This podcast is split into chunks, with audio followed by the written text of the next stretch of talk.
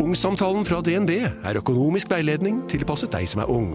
Bokk en ungsamtale på dnb.no. ung. Ok, det var jo en syk døll måte å forklare ungsamtalen på, da. En smart prat om penga mine, ville jeg sagt. Ikke sånn kjedelig økonomisprat, skjønner du. Skal du pusse opp eller bygge noe nytt? Ikke kast bort tid på å lete etter håndverkere selv. Gå inn på mittanbud.no og lag en beskrivelse av jobben du ville ha gjort. Så mottar du tilbud fra flere erfarne håndverkere som du kan sammenligne. Med mange tilbud er du sikrere på at du velger riktig bedrift, og at jobben blir skikkelig utført. Mittanbud.no få jobben gjort. Ny episode av Relasjonspodden ute nå. Datteren til en av lytterne våre har klippet av seg håret for å donere det bort, men nå blir hun mobbet for det. Hva kan mamma gjøre? Og hva gjør du når 14-åringen ikke vil ha den kjipe stebestefaren i konfirmasjonen sin? Ta hensyn til konfirmanten eller til mormor? Hør Relasjonspodden gratis der du hører podkast. En podkast fra Podplay. Denne episoden kan være skremmende for enkelte lyttere.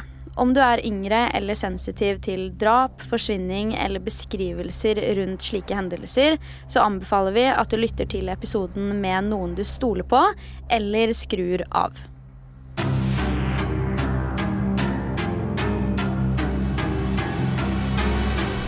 Hei og velkommen til en helt ny episode av Forsvinningsfredag podkast. I denne episoden så skal jeg ta for meg den velkjente saken om Stephen Avery, som er saken som omtales i serien 'Making a Murderer' på Netflix.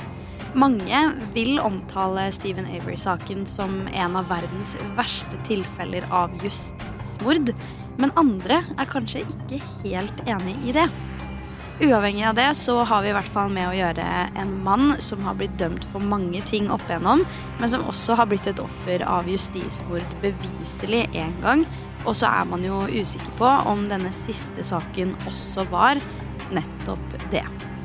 La meg ta deg helt tilbake til begynnelsen.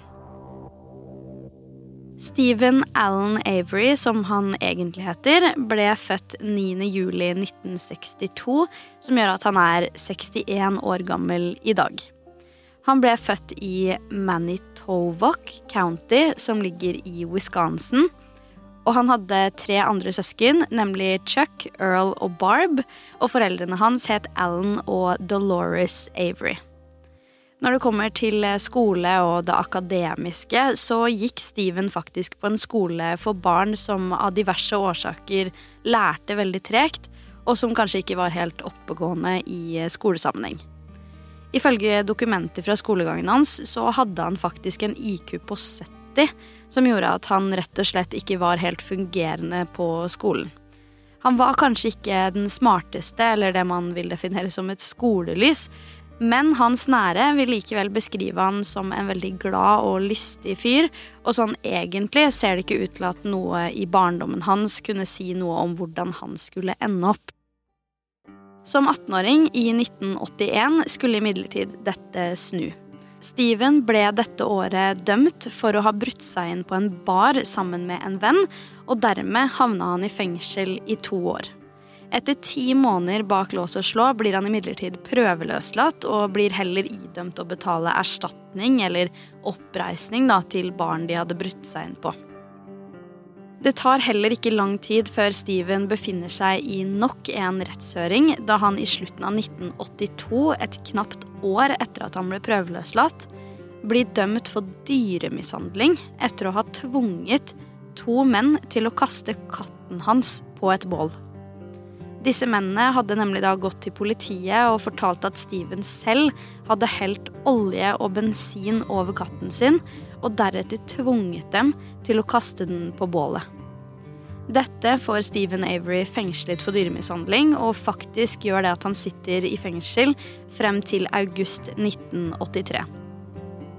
Selv sier han følgende om begge disse hendelsene.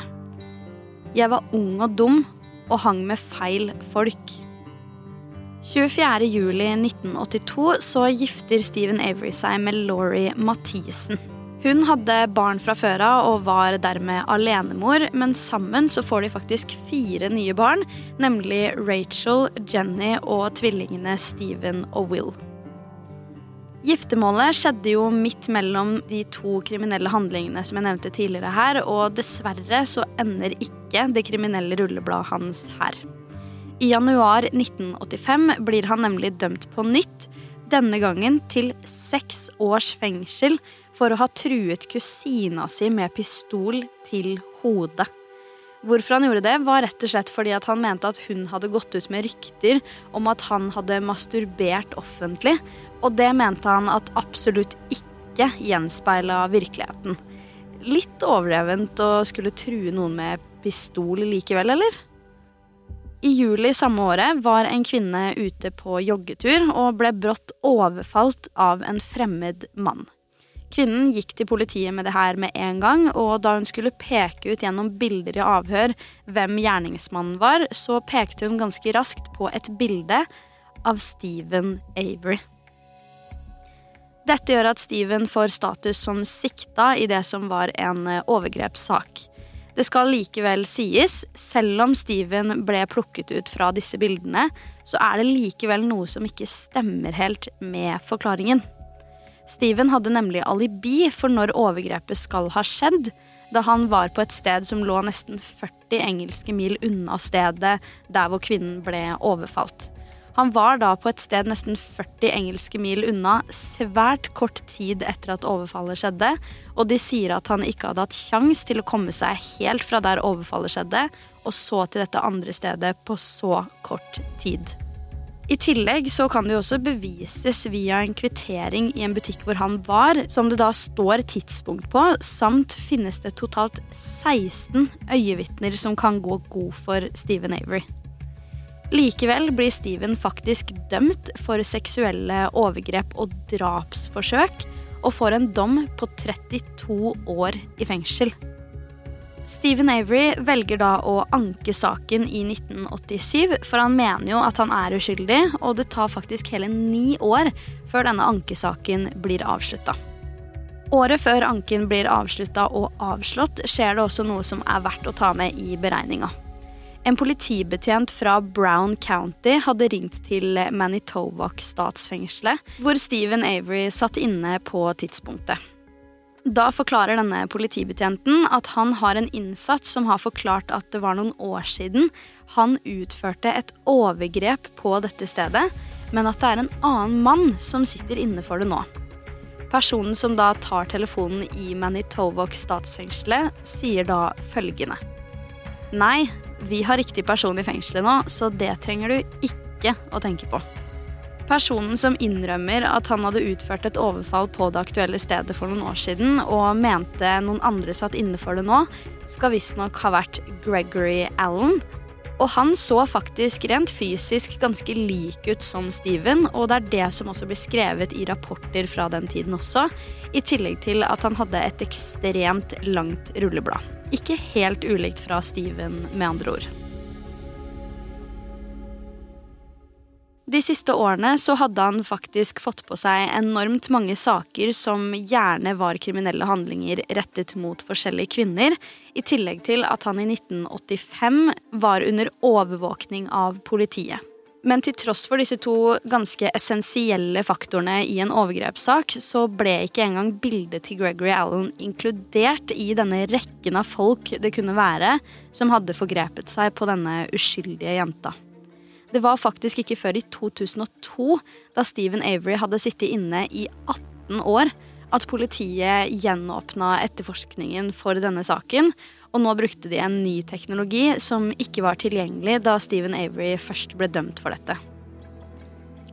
11.9.2003 blir faktisk Stephen Avery løslatt fra fengselet fordi den nye teknologien beviser at han er uskyldig, og skyldspørsmålet flyttes nå over på Gregory Allen. Stephen Avery velger da å saksøke både sheriffen og den tidligere statsadvokaten for feilaktig dom, eller da justismord. I dette søksmålet så krevde han faktisk 36 millioner dollar i da oppreisning fordi han hadde sittet inne i fengsel i 18 år, men denne summen ble endra på etter hvert, og akkurat det kommer jeg litt tilbake til. La oss gå over til den største kriminelle handlingen i denne saken, nemlig drapet på Teresa Halback. Hun var fotograf og forsvant sporløst den 31. oktober 2005. Det siste sikre man visste om dagen hun forsvant, var at hun dro til adressen til Stephen Avery for å ta bilder av en minivan for søsteren hans. Den skulle da nemlig selges, så de trengte noen skikkelige bilder til salgsannonsen. Litt senere så blir bilen til Teresa funnet delvis i skjul på gårdsplassen til samme adresse, som naturlig nok ble av stor interesse for politiet. Politiet igangsetter derfor en haug av undersøkelser i forbindelse med bilen, og det er sånn de faktisk finner DNA-spor som til og med matcha med Stephen Averys DNA-profil. Senere i etterforskningen finner også politiet forkullede beinfragmenter fra liket til Teresa. Dette ble da funnet i en såkalt brenngrop på samme tomt som Stephen Avery bodde på. Steven blir i denne saken sikta for både drap, seksuelt overgrep, kidnapping og legemsbeskadigelse. På dette tidspunktet er Stephen Avery allerede dømt for flere hendelser fra tidligere, bl.a. det med kusina, besittelse av våpen osv., så, videre, så det hjelper jo ikke akkurat saken hans nå. Selv mener Stephen Avery at han er satt opp, og at drapsanklagene er falske. Han mener at dette stammer fra at noen ønsker å ødelegge søksmålet han fremdeles var i med myndighetene i byen, og fremdeles venta på en avgjørelse på. For å komme tilbake igjen til det søksmålet, da, så endra det jo oppreisningen hans fra 36 millioner, som han krevde først, til 400 000 dollar. Det er jo en ganske stor forskjell på det, men 400 000 dollar er fremdeles veldig mye penger. I løpet av etterforskningen og etter å ha fått ransakelsesordre på adressen til Stephen Avery, så finner også en politibetjent nøkkelen nøkkelen til bilen til Teresa inne på soverommet til Stephen Avery, men det er ikke før det syvende søket de har i huset. På den nøkkelen her så fant de faktisk DNA fra Stephen Avery, men ikke Teresa, som er veldig, veldig merkelig, for hun er jo den som eide nøkkelen. Det er jo også litt spesielt i seg selv at det brått dukka opp et såpass sentralt bevis først etter det syvende søket i huset. Og tilbake til dette her med DNA-et, så er det jo også sånn at på et eller annet tidspunkt har jo Teresa tatt på den nøkkelen, og da senest på vei til Stephen Avery samme dag som hun da forsvant og døde. Så at DNA-et hennes ikke var å finne på nøkkelen, høres jo svært lite logisk ut, i hvert fall i mitt hode. Dette gjør jo at advokatene, eller forsvarerne, til Stephen Avery mener at politiet kan ha renset denne nøkkelen, og så planta DNA til Stephen på nøkkelen igjen, for så å legge den på soverommet. Det kunne jo heller ikke være helt utenkelig med tanke på at de hadde tilgang på huset, og som sagt at dette ikke kom frem før det syvende søket. Advokatene til Avery mener da at det er en mulighet for at politiet manipulerer og ødelegger bevis, og ønsker da en gjennomgang fra et annet politi på en annen politistasjon. Dette skjer imidlertid ikke, nettopp fordi at politistasjonen i Manitovok fremdeles var veldig involvert i etterforskningen, så de hadde jo fremdeles mulighet til å eventuelt endre på ting dersom de ville det. Gjennom hele rettssaken så bruker også advokaten til Stephen Avery veldig mange argumenter som går på dette her med den feilaktige dommen i 1985.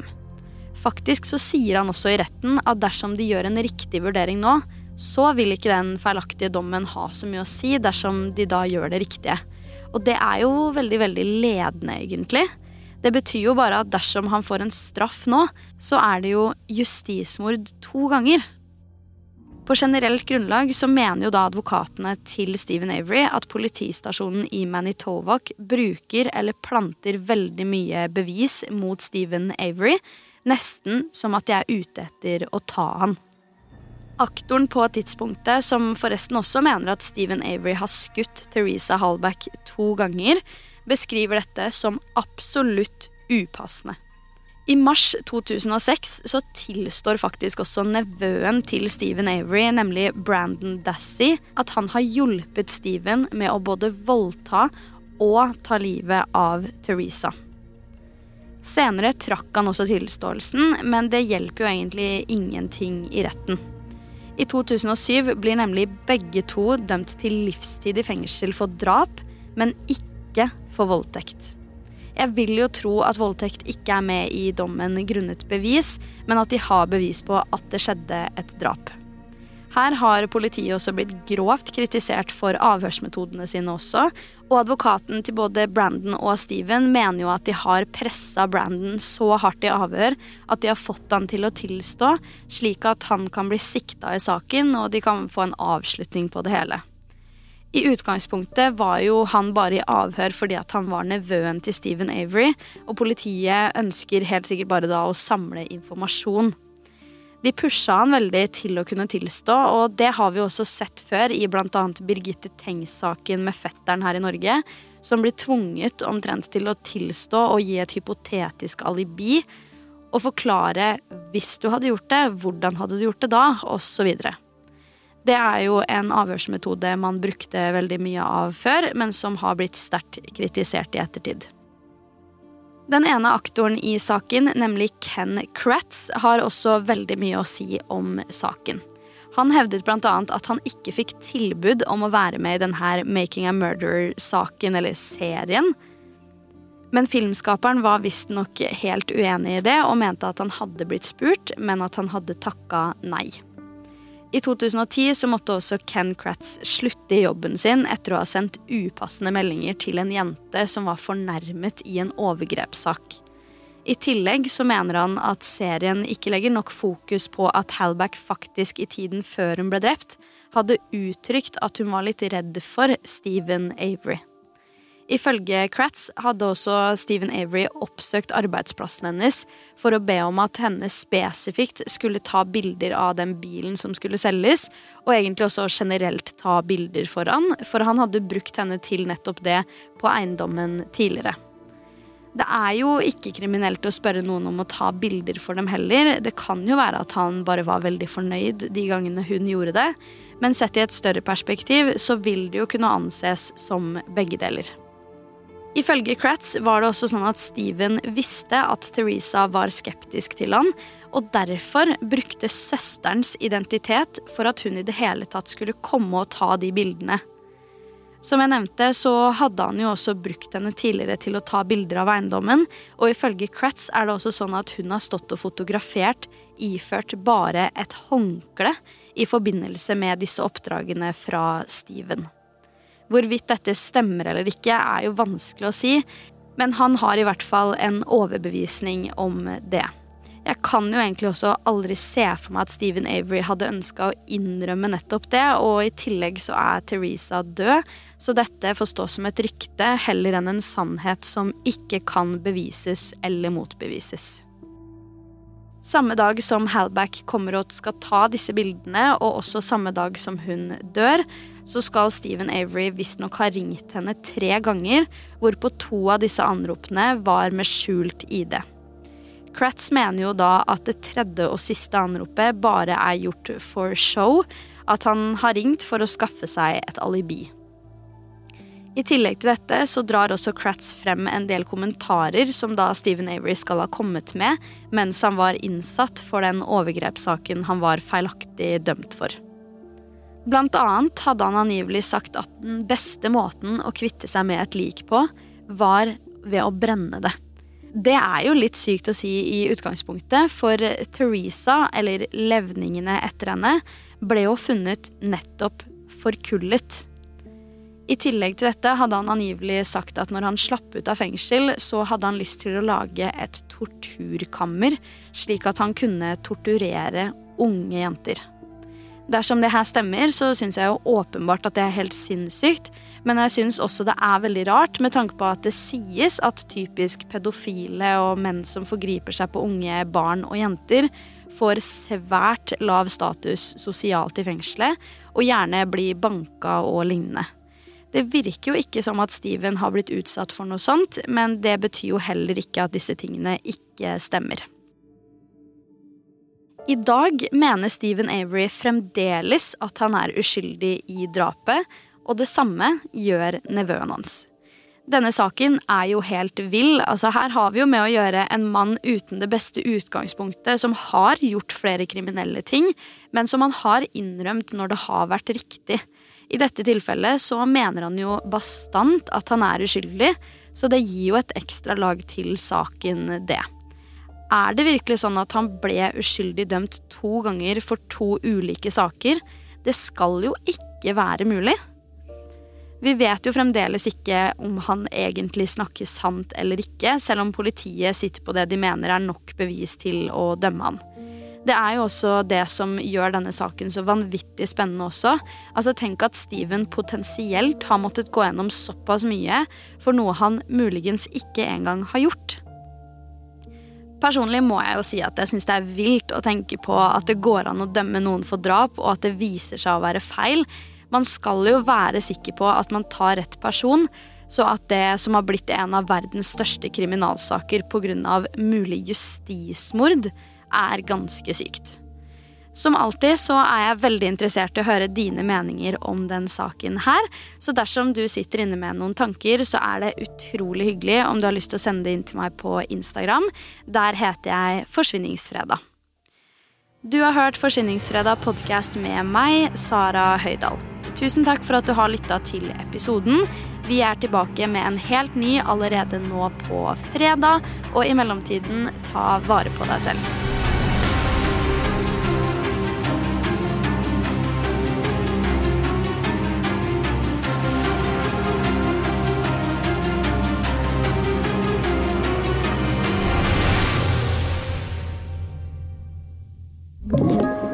Du har hørt en podkast fra Podplay. En enklere måte å høre podkast på. Last ned appen Podplay eller se podplay.no.